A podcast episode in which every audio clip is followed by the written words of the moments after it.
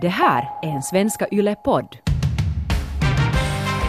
Kan du tänka dig en lejoninna som skulle ligga på något vis med tassarna över huvudet så här och fulgråta? Men jag tänker lite på mig själv. Men, men jag måste säga att jag tycker det är helt okej att man är riktigt patetisk. Bara man inte är det allt för länge och bara man inte fastnar i det där att det är så synd om mig. Kära vänner, det här är Norren av Frans, den numera faktiskt prisbelönta podden här på Svenska Yle. Uhu, Uhu, bästa audioinnehåll.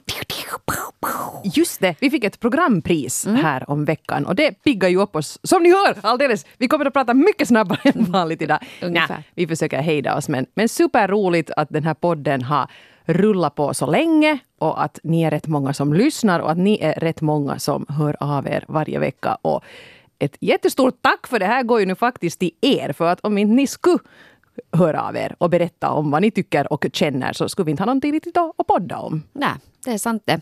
Äh, Ganska många avsnitt har vi hunnit med. Jag tror vi är uppe i sådär 40 avsnitt just nu. Och alla de här finns givetvis också på Yle Arenan. Där kan man söka då enligt det tema som man är intresserad av. Ifall det är så att man inte har tid att harva av alla 40 sådär på, på raken. Eller så dyker du in och binge-lyssnar. Ja. Det, det kan vara lite tärande men, men kudos om du klarar av det. Ja. Hej, idag så ska vi ta oss an ett ämne som eh, vi faktiskt inte har tangerat överhuvudtaget tidigare. Vi ska nämligen tala om hjärtesorg och hur man kravlar sig upp igen och in i livet ifall det är så att man blir sådär brutalt dumpad eller, eller sen bara får sitt hjärta krossat. Eller om man är den som dumpar själv, för det kan också vara ganska jobbigt. när Man på något sätt ska, ska, man kanske har lite dåligt samvete om man ska på något sätt gå vidare eh, i livet på, på egen hand. Vad kan man göra då? Och jag hoppas att det här ska bli ett av de där lite konstruktiva eh, avsnitten. Ett som man kanske kan lyssna på om man be, själv befinner sig där på, på, på golvet i duschkabinen och, och hulkgråter och skulle behöva lite riktning att vad ska jag göra nu? Vad har funkat för andra? Och vi har fått in massvis med, med tips på det här faktiskt. Och redan nu, vi kan ju redan nu spoila det att slutsatsen av nästan alla de här breven är att det blir bättre. Ja, det är, nog- det är ju den klassikern, vet du, men tiden läker alla sår och det finns mera fiskar i havet och dittan och dattan, vad det nu säger. Men ja, men alla, alla hjärtesorg går ju över i något skede, trots att det inte känns så just då du ligger där dit i duschkabinen då och fulgråter. Då tänk, tänker du att det kommer alltid att vara så här och jag kommer aldrig att hitta någon annan och ingen kommer någonsin att vara lika härlig som hen. Mm. Och, och det kanske är så att ingen någonsin kommer att vara lika härlig som henne, men i något skede så kommer du ändå över henne. Och det där med tiden läker alla sår, det, det stämmer faktiskt. Det är ju en, en klyscha som jag tror att, att inte är helt liksom dragen ur blomsterhatten. Utan, utan det är ju så, det blir bättre så småningom. Var det i Sex and the City som de drog till med den här allmänna regeln att om man vill veta hur länge det kommer att dröja innan man har kommit över en relation så ska man halvera den tiden som relationen pågick. Så var du ihop med någon i en månad så kommer du att vara över det på två veckor kommer ju vara lite hemskt för mig nu då vi skiljer oss för då kommer vi att kanske vara tillbaka på banan om sju och ett halvt år. Men, men det är väl så då. Ja ja, men vet du, vi har ju någonting att podda om då i alla fall. Det är helt det kommer vara en miserabel Ja. lång, långkörare. Jag tror inte liksom att man kanske helt kommer över någon som har he- riktigt sådär rejält vet du, tagit ens hjärta och kastat det på marken och trampat på det. Jag tror inte att man liksom glömmer det här. Jag tror inte att man... Att det kommer alltid att svida lite någonstans. Att man kommer att känna ett litet sting i hjärtat då kanske den personen kommer in i ens eh, funderingar. Men att, att man de inte har det där greppet om en och mera. Sen om man känner det att, att jag faktiskt inte är beroende mer av, av vad den personen tycker om mig eller att det att vi inte är ihop mer, då kan man säkert känna sig ganska fri. Mm. Jag måste säga att jag, jag har ju inte liksom haft hemskt många relationer. Att jag hade ju liksom en kille som jag var ihop med i ja, fyra år när jag var där liksom runt 20.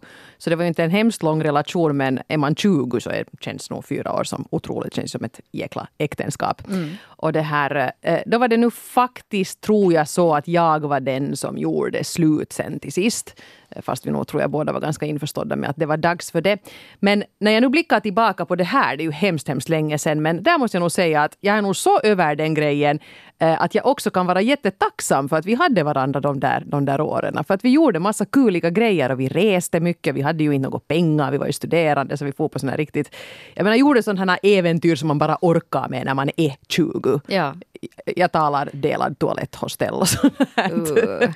Inte det på att det tog slut. No, inte var, no, men det var ju inte hans fel. Det var ju men i alla fall, sådana här grejer. Och jag tror också att en ganska bra grej var att vi, det var ju kanske inte ett hemskt, ett hemskt bra förhållande, men vi också preppade varandra för kommande förhållanden. Så vi nötte kanske bort de där fånigaste grejerna. Att jag gick ur den relationen betydligt mindre svartsjuk än vad jag skulle ha varit annars. Och så tror jag nog att hans nuvarande fru i princip ska vara tacksam för ganska mycket konstigheter som jag på något sätt trimma bort innan han var redo då för henne. Eller kanske du lärde honom några behändiga tricks som hon kan vara tacksam för. No, det tror jag vet du nästan att jag gjorde. du gjorde det också, ja. Kanske man kan se liksom den där första riktiga relationen som någon slags genrep för resten av livet. Och därför är det också viktigt. eh, Men nu måste jag också säga det att det är många unga människor som har skrivit till oss den här veckan. Och eh, jag tror också att det kanske låter lite på en del av de här breven som att ni har nu just trillat ur er första riktiga relation. Ja. Som är riktigt riktiga. Alltså när man tänkte att, att nu är det vi för resten av livet och så blev det inte så heller. Nej, jag tror liksom att man eh, upplever det extra starkt. Det är första gången du verkligen har en rejäl hjärtesorg. Så då tror jag nog att, att det kanske är något av det värsta. För sen också ju yngre man är, då man inte ännu har kanske den här livserfarenheten att man just vet att det faktiskt går över och det blir bättre och saker och ting händer i livet som kommer in och tar över. Så känns det ju som att livet tar slut. Ja, men det gör ju lite så. Men vad, vad är nu ditt track record med hjärtesorg, Hanna? Jag har nog fått mitt hjärta krossat några gånger. Faktiskt ganska, ganska rejält också. Men jag måste säga att jag har nog säkert kommit över dem för jag kan inte riktigt dra mig till Jag har minnes nog ett minne av att jag någon gång var väldigt ledsen. Men ja. Ja, ja men, men ja. Ja, vissa av dem kanske ännu lite svider någonstans. Men, men eh, ja, jag vet inte. Jag har inte, jag, jag har inte varit den där liksom som nu vet du, ligger och, och sjunger all by myself och vet, vältrar mig i det. Jag har alltid försökt ändå vet du, sådär, lite sådär gaska upp mig. Att man inte helt liksom ligger dit och vältrar sig i träsket i veckor och inte går i duschen och sådär. Har ändå försökt lite sådär, nå, vi tar oss igenom den här dagen igen och sen kanske du hör någon sorglig låt på radio och så är du lite sådär "Bu." men, men sen är det så att äh, skärp dig nu norren att här kan du inte sitta och böla över någon sån här loser. Jag ska nog säga att min strategi alltid när jag har haft motgångar eller varit ledsen så det som funkar bäst för mig är nog att liksom dyka riktigt med huvudet före ner i den där smärtan och faktiskt kanske riktigt fulgråta och lyssna på sorglig musik och, och ringa till några kompisar och, och till mamma och bröla och, och, och ha mig. För att då går det om ganska snabbt. Då kanske det är något dygn som man är riktigt så, på botten. Och sen blir det så att ja, nå, att det här börjar kännas lite tradigt. Att, att nu ska jag hitta på någonting. Mm. Men du är alltså en sån som tar kontakt med andra eh, vet du, då du är ledsen. För jag tror vi talade om det här någon gång tidigare också. Just det där. För att jag, jag, om jag är ledsen och vet du, vill gråta så så vill jag göra det vet du, lite som en skadeskjuten kråka. Så sitter jag då vet du, och slickar mina sår någonstans. Eller kanske vi tar en härlig tigrinna istället. Det låter Jo, jo, det var, trevligare ja, det var en så hemskt sorglig bild jag fick nu på näthinnan när Vi du kan sa säga det där. en, en sårad lejon, Lejoninna. lejoninna. Som Så sitter ligger, i skuggan och stoiskt blickar ut över savannen. jag är den. Där är jag är den, ja. Vet du, så, så är jag där lite och slickar mina sår emellanåt. Men jag håller ändå huvudet högt för att jag vet att jag är ändå en lejoninna. Och vet att i något skede så kommer det spatserande förbi mig på savannen en ny härlig lejonhane som då får min uppmärksamhet istället. Jag, Mm. jag sänker inte mig så lågt att jag ska börja... Tänk nu dig, kan du tänka dig en lejoninna som skulle ligga på något vis med tassarna över huvudet så här och vet du, snor fulgråta? Men jag tänker lite på mig själv. Och jag, jag kan nog se mig i den situationen. Men, men jag måste säga att det, jag tycker det är helt okej att man är riktigt patetisk. Mm. Bara man inte är det allt för länge. Och bara man inte fastnar i det där att det är så synd om mig och Ja. hur är världen så här orättvis.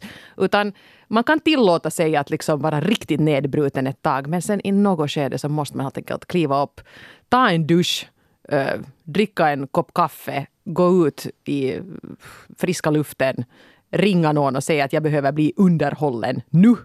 Och sen så småningom så kanske man kommer vidare. Jag gillar det där. I något skede så får det vara nog, Ja. helt enkelt. Ja. Men det där... eh, Jag tycker att vi skulle kunna börja här med ett brev som, som jag tycker, det här är nog kanske det finaste jag någonsin har, har läst, måste jag säga. Det här är ett brev som vi fick av signaturen Tets25. Första gången jag blev brutalt dumpad var när jag gick andra året på universitetet. Det var en måndagskväll. Jag fulgrät hela vägen hem. Lyckligtvis var det mörkt så jag slapp se de oroliga blickarna som kom av de som kom emot. Jag skickade ett meddelande till en gruppchatt att jag hade blivit dumpad. När jag kom hem låg jag på golvet och fortsatte fulgråta. Efter en halvtimme knackar det på dörren och två av mina närmaste vänner står utanför och frågar om de får komma in. De hade handlat biffar och franskisar, den dyrare sorten, vilket för oss studerande är en otrolig lyxvara. Resten av kvällen och långt in på natten satt vi och byggde pussel, lyssnade på löjliga kärleksballader, åt gott och pratade skit. Till och med några skratt rymdes in. Jag var ledsen i någon dag efteråt, men jag misstänker att min snabba återhämtning berodde på den här spontana tjejkvällen som skedde direkt efteråt. Vänner är verkligen underskattade. Så säger alltså, alltså Tets 25. Vilken fin historia och jag tror att det här med att de inhandlar de här dyrare franskisarna. Det här är liksom den största ja. kärleksförklaringen av dem alla. Vet du, för man köper alltid de där billiga, du är studerande, du har inte några pengar och så tänker att nu tar vi de där godaste. Precis. Som kostar vet du, tre gånger mera, men nu tar vi dem Som idag. är lite krispiga på riktigt. Ja, men det här bevisar ju att det är inte fråga om så underliga saker. Det är omtanke och franskisar kommer man långt med. Ja, och det där är nog också där tror jag att, just att man skickar ut det där meddelandet, att man vågar äh, säga att nu är det riktigt åt fanders alltihopa. Och sen att man har kompisar som faktiskt kommer då dit och, och liksom plockar upp en.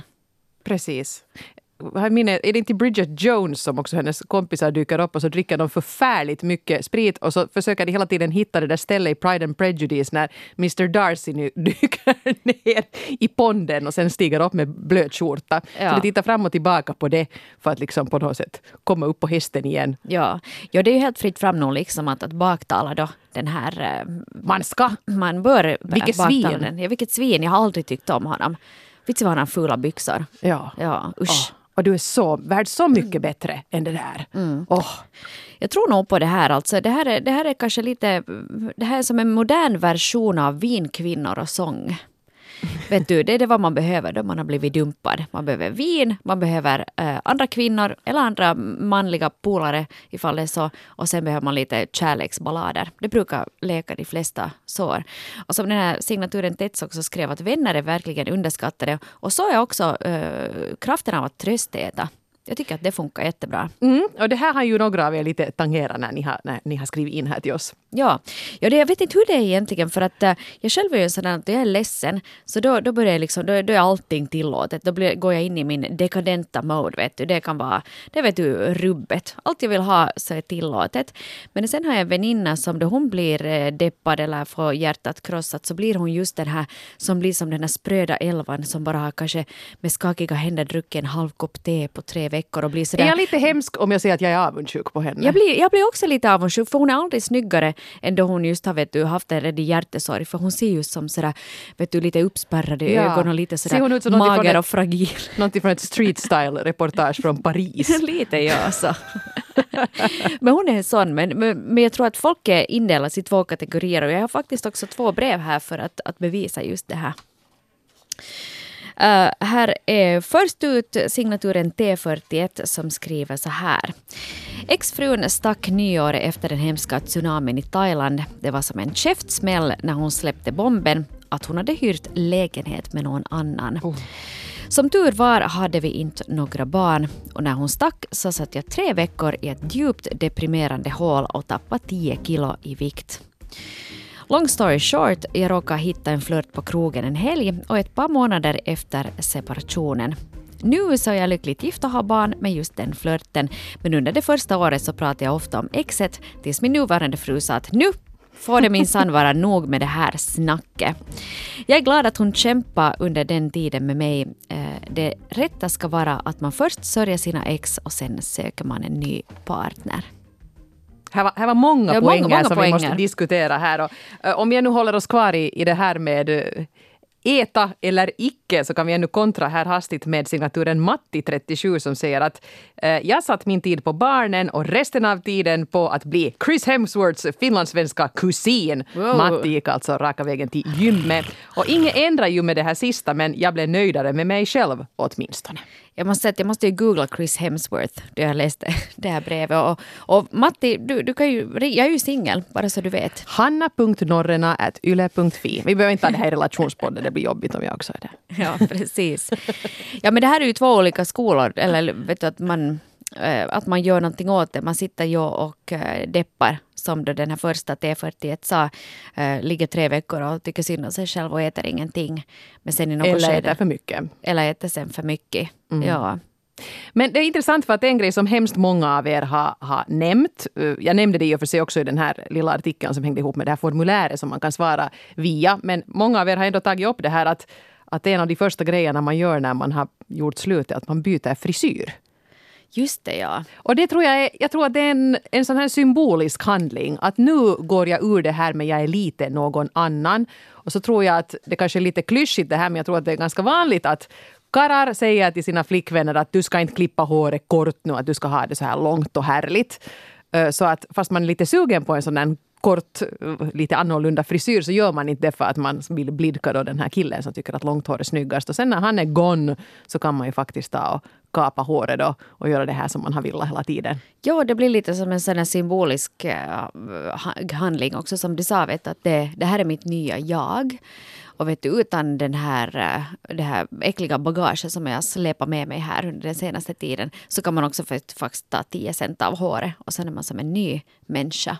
Och sen det här med att gå och träna. Det är ju kanske lite det där att, att man sen hoppas nästan på att man ska träffa, eh, kollidera med exet i något skede för att man ska visa att ha, kolla vad du går miste Det här är om. just det där revenge body. Ja. Jag tror det var Khloe Kardashian som har gjort ett helt tv-program med just det, Revenge Body. Och där är det många som just ska hämnas på exet. Ja. Vet du, att de får hjälp då av Khloe Kardashians alla bästa tränare. Fram med silikonet. Fram med silikonen. Nej men de tränar sig i skick så att de sen kan vet du, visa upp sig. Att se på det här. Ja. Och så kan man göra ett sånt här bitch finger. Ah, ah, ah. Nå, inte det är något fel på det heller. Jag menar, det är det som man, det. man behöver efter, om man har blivit dumpad, ju kanske att man behöver gaska upp sig med sitt självförtroende. Och då är ju det här att lite arbeta på sitt utseende säkert en bra grej. Jag menar ju inte att man måste liksom träna sig så att man ser- ut som en kringvandrande tvättbräda. Men, men liksom kanske lite, lite unna sig. men att köpa lite nya kläder. Lite, lite göra någonting sånt här för att helt enkelt få lite en, en boost. Jag tror det, ja. Men vad ska man göra då? För jag tror att det är nog andra, det är andra också som har skrivit lite om det här att, att det blir lätt att man börjar tröstäta och sen går man upp i vikt och så får man skitfilis och, och så att man inte liksom riktigt kommer ur det. Vet du, för ofta går det ju bara du liksom kommer igång. Men vet du, hur ska man liksom släppa sig upp ur det här fryspizza-träsket? Då man, inte, då man har gardinerna fördragna och man är inne i säsong nio av någon, någon serie och bara inte liksom kommer ur det. Jag skulle säga att ge dig själv en tidsram. Bestäm att nu får jag vara i den här bubblan i en vecka. Och jag får vara hur bedrövlig som helst. Och jag får äta vad tusan som helst. Och jag får plonka i mig vin och, och vad du nu vill ha och röka flera paket per dag. Liksom whatever works. Men sen, måndag morgon klockan åtta, då är det slut på det här och då reser jag mig igen och, och, och går vidare. Så börjar den Conchita Wurst, Rise Like a Phoenix Ja. intro spela i bakgrunden. jag tänkte på Torsten Flink. Jag reser. Jag tror mera på Conchita Wurst Conchita är faktiskt. nog en bättre sån här. Lyssna på den låten sen på Inget ont måndag morgon. Torsten, men Conchita funkar nog bättre. Ja, ifall det är svårt att komma upp därifrån, lyssna på Conchita Wurst. Ja, men att i alla fall man sätter någon sorts gräns för sig själv. För att man, om man sen blir i det där hålet med sina franskisar eh, och sitt lådvin i flera månader så då kommer du ju inte liksom att vara hemskt nöjd med dig själv heller. Och det är det som är det viktiga, hur du känner gällande dig själv. Och du behöver inte vara smal och snygg och lyckad, det är inte frågan om det, men du ska vara tillfreds med dig själv. Och det blir du inte om du fastnar i den här, det är så synd om mig. Ja. Och där är- kommer nog liksom eh, omgivningen in i bilden också. Absolut. Att man har liksom någon som man kan tala med. Alla kanske inte är begåvade med, med jätteempatiska vänner som verkligen hjälper en genom det här. Men om du ens har någon du kan tala med så brukar det nog hjälpa. En sak som jag do, dock är lite, eh, skulle vilja fråga dig Eva vad du tycker om det här. För att eh, du har ju liksom jag haft eh, väninnor som har drabbats av hjärtesorg. Eller jag har också manliga vänner som har drabbats av hjärtesorg. Hur länge ska man som vän behöva höra på det där? Vet du, något skede så är man sådär, vet, nu, nu har jag liksom hört det här tillräckligt, tänker du. Men samtidigt så vill du vara den där kompisen som fortsätter att lyssna på det samma ältande. Men när ska man liksom, vet du, sätta vet du, näven i bordet att nu, nu har du räcker det, nu orkar jag inte höra på den här skiten och mera. Vilken svår fråga. Jag tycker faktiskt inte att någon av mina vänner har varit, hållit på så mycket att det skulle ha känts liksom sådär att det här är det enda vi någonsin pratar om. Att de har ändå orkat ställa frågor om, om mig och liksom vara engagerade. Men sen ibland alltid så kanske de åker ner i den där svackan att nu måste jag liksom få älta en stund. Och det tycker jag är fine och det, det liksom bistår jag gärna enligt bästa förmåga med. Och då tycker jag inte att det ens finns någon gräns. Då får de fast hålla på i tio år och allt emellanåt klaga lite på exet. Det är Mm. jätteokej med mig. Men om liksom det här, man märker att det här är nu det enda du grunnar på, det här är det enda du vill prata om när vi träffas, då skulle jag nog säga ifrån faktiskt ganska tidigt. Ja, för det blir lite trist också att, att vara med den där personen. Man kan till och med kanske börja dra sig för att eh, bestämma träff med en person som bara obsessar över den här ena grejen. Det är klart att man kan liksom tala om det då det är akut och så här och säkert senare också i, i flera repriser. Men då det börjar komma upp den tjugonde gången så då kanske man börjar vara lite trött. Jag har faktiskt ett exempel på det där för vi var ett, ett sånt här tjejgäng och, och den här ena hade födelsedag, så vi var alla då ute och drack lite skumpa och så här. Men då var det den här ena, inte hon som hade födelsedag, utan en annan som hade eh, kärleksproblem. Hon tog liksom över hela födelsedagsfirandet med att sitta liksom, vet du, en timme och älta det här. Nej. Och då sa jag faktiskt att nu tar vi en time-out på det. Vet du, sådär, efter, efter en timme så sa att nu tar vi time-out, att nu är det här ett födelsedagsfirande. Att Nu gaskar vi upp oss och så pratar vi om någonting annat. Och hon fattar ju nog det. Ja. Men att det där att du måste ju själv också, om du är den dumpade, du måste ju ha så pass mycket spelöga också. Att det är nu inte så att det är mest synd om dig i hela världen så att du kan ta över precis alla sociala situationer. Nej, det får du inte göra. Alltså är du i en kris så ska du få hjälp av dina vänner, det är klart. Men det, kan, men du, det betyder inte att du får liksom låta din kris och det här kräket som du inte längre är ihop med vara den som styr upp hela den här födelsedagsfesten för någon annan. Det, det kan du inte göra. Så där ska man nog också säga ifrån. Och man kan ju göra det också ganska vänligt men tydligt. Att vi är här för dig och det vet du. Men nu är fokus på den här som firar födis och nu försöker vi ha lite kul.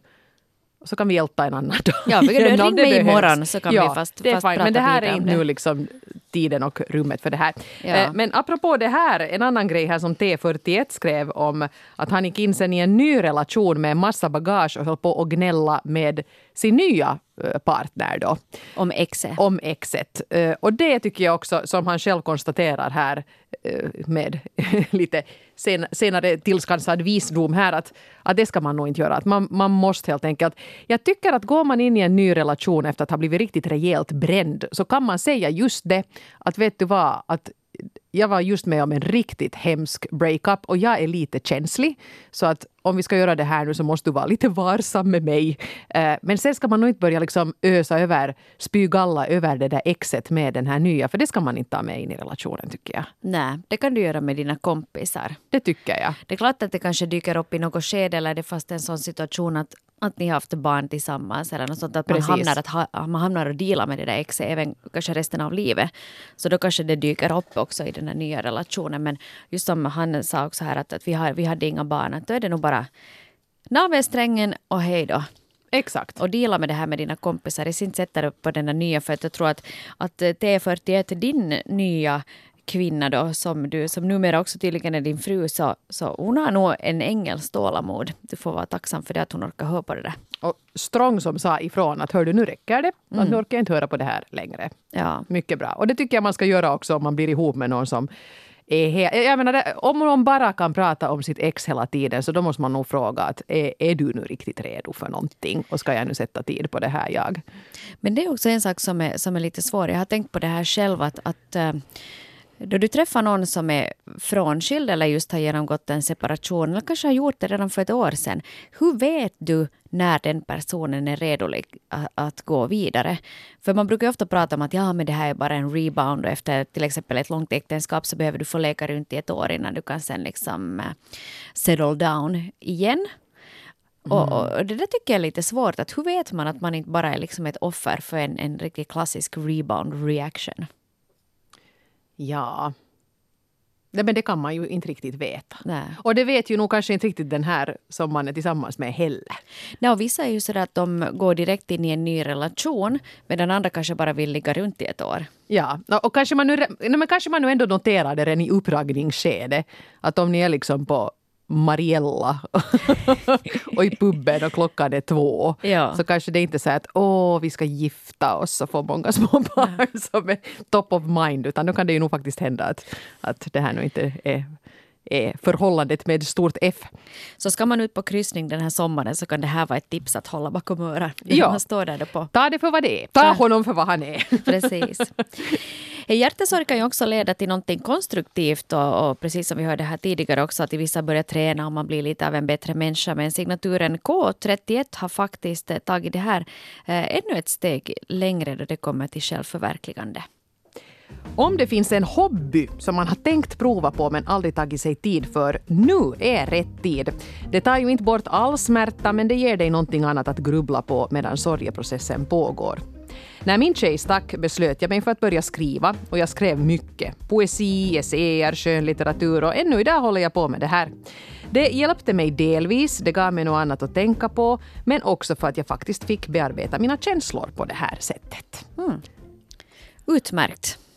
Kreativitet så, så är ju alltid ett bra sätt att kanalisera sina känslor på. Ja, och bara att man liksom kommer på vad det är som man inte riktigt har tagit sig tid att göra för att man har varit i en relation och så gör man just det. Jag hade en kompis, eller jag har ännu en kompis och det här är många, många år sedan men när hon då gjorde slut med sin kille sedan länge eh, så var hon väldigt hurtig och efter några veckor så sa hon att jag har nu bestämt det.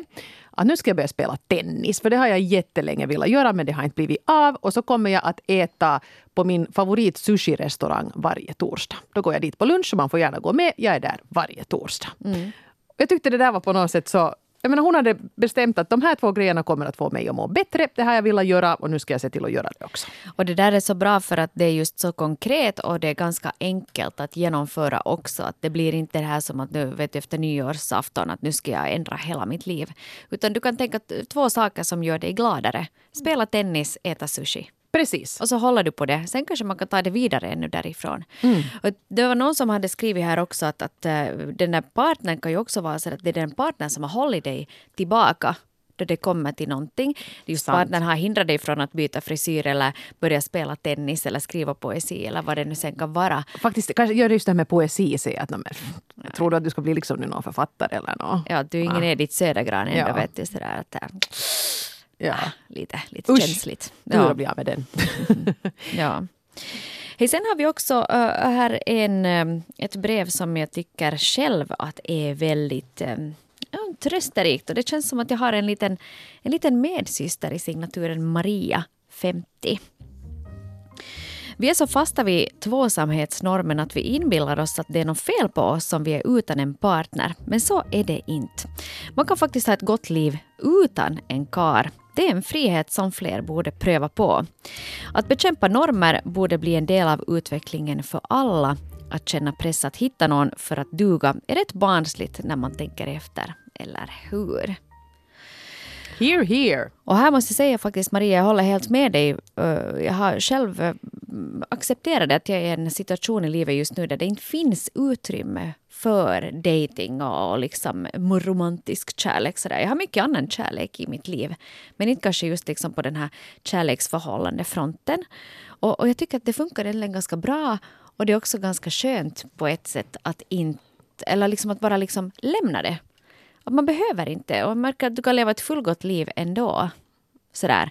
Okej, sen kanske att jag lite flirtar här med den där snygga byggnadskillen som åker upp och ner i hissen här på Yle. Jag brukar åka upp och ner i hissen ganska mycket själv. Jag ska du, skaffa kan- dig en estnisk parlör så att du kan säga något till honom. Ja, han talar bara estniska tyvärr. Ja. Ja, det, det är lite dåligt på den fronten. Killekott! Ja. Ja, alltså- Jag vet bara att kissa heter kassi på, på estniska. Det är ungefär där. Det funkar inte så bra i sådana här sammanhang. Nej, men då kan du ju säga det. Ja, men det kan vi...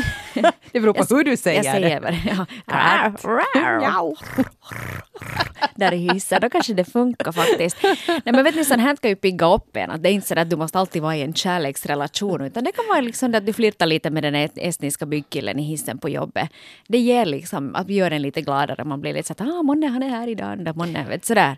Det behöver inte vara så dramatiskt. Och där är ju också det här med att, no, men, men det här med att man kallar kvinnor som inte har gift sig för uh, gammelpigor medan män då är ungkarlar.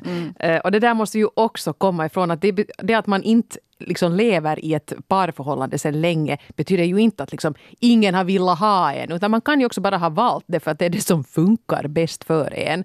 Att man liksom inte ser det att man lever ensam som ett misslyckande på något sätt. Det måste ju faktiskt komma ifrån. Det där är ju också den här grejen med att... Nu citerar jag en undersökning så här som jag drar från luften för jag kommer inte ihåg exakt var den var. Men det här som, som jag tror vi har pratat om i en tidigare podd också. Att när kvinnor skiljer sig så blomstrar de upp för att de har mitt i allt så mycket tid och de behöver inte serva på den där karsloken och, och de börjar träffa vänner och hinna med allt möjligt sådant som de inte hade hunnit med. Medan män blir mer och mer miserabla för att plötsligt ska de fixa en massa som någon annan har fixat dem själv. Det här låter jättestereotypt men det var faktiskt undersökningar som visar att det är på det här sättet. Att kvinnor har mycket lättare att hantera en breakup sen när de, eller till och med sådana som har blivit änkor. Att klart att man sörjer alldeles fruktansvärt först men sen brukar saker falla ganska bra på plats så småningom.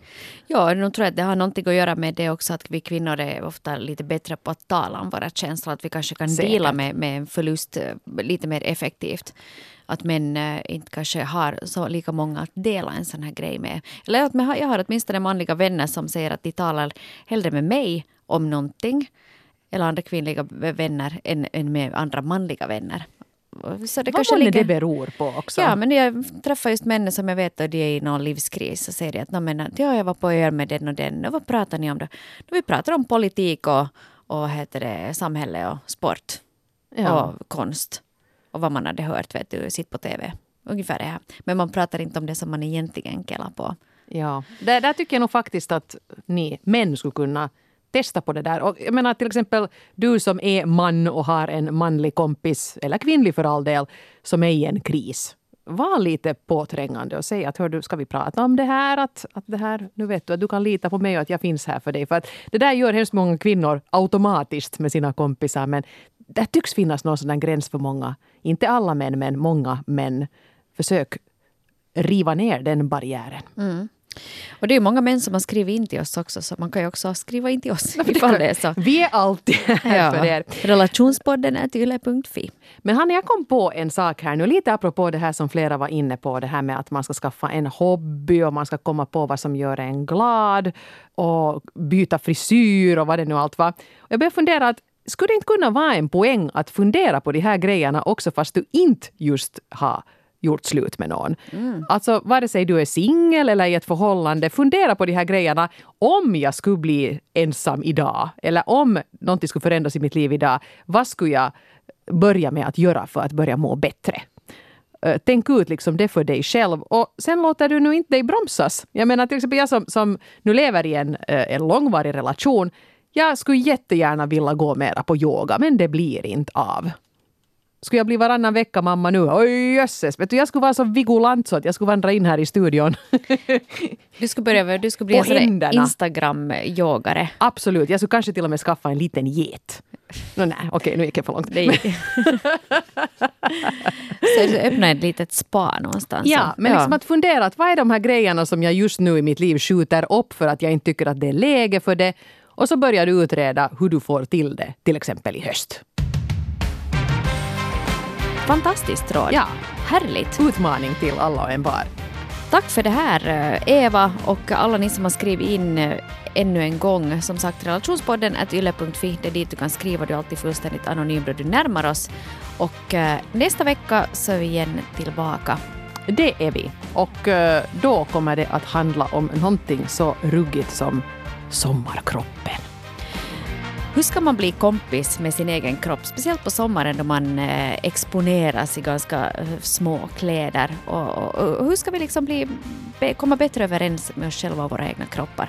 Det ska vi ta och diskutera nästa vecka. Då är du Eva på semester Med min sommarkropp. med din sommarkropp ute på beachen någonstans och, och, frestar. Men istället så har jag bjudit in Exponerar flabbet för en massa inget ont anande spanjorer. ohämmat och de njuter av det när de ser det. Se på Flabba, det här flabba, flabba. bitches. Ja. Nästa vecka har jag istället med mig Anne Hietanen som har gjort mycket arbete också kring just det här med kroppar och självbild. Så vi hörs igen om en vecka. Ha det riktigt bra. Och Det trevlig gör vi. semester Eva. No, men tack så mycket och ni med hjärtesorg där ute. Det blir nog bra. Yes.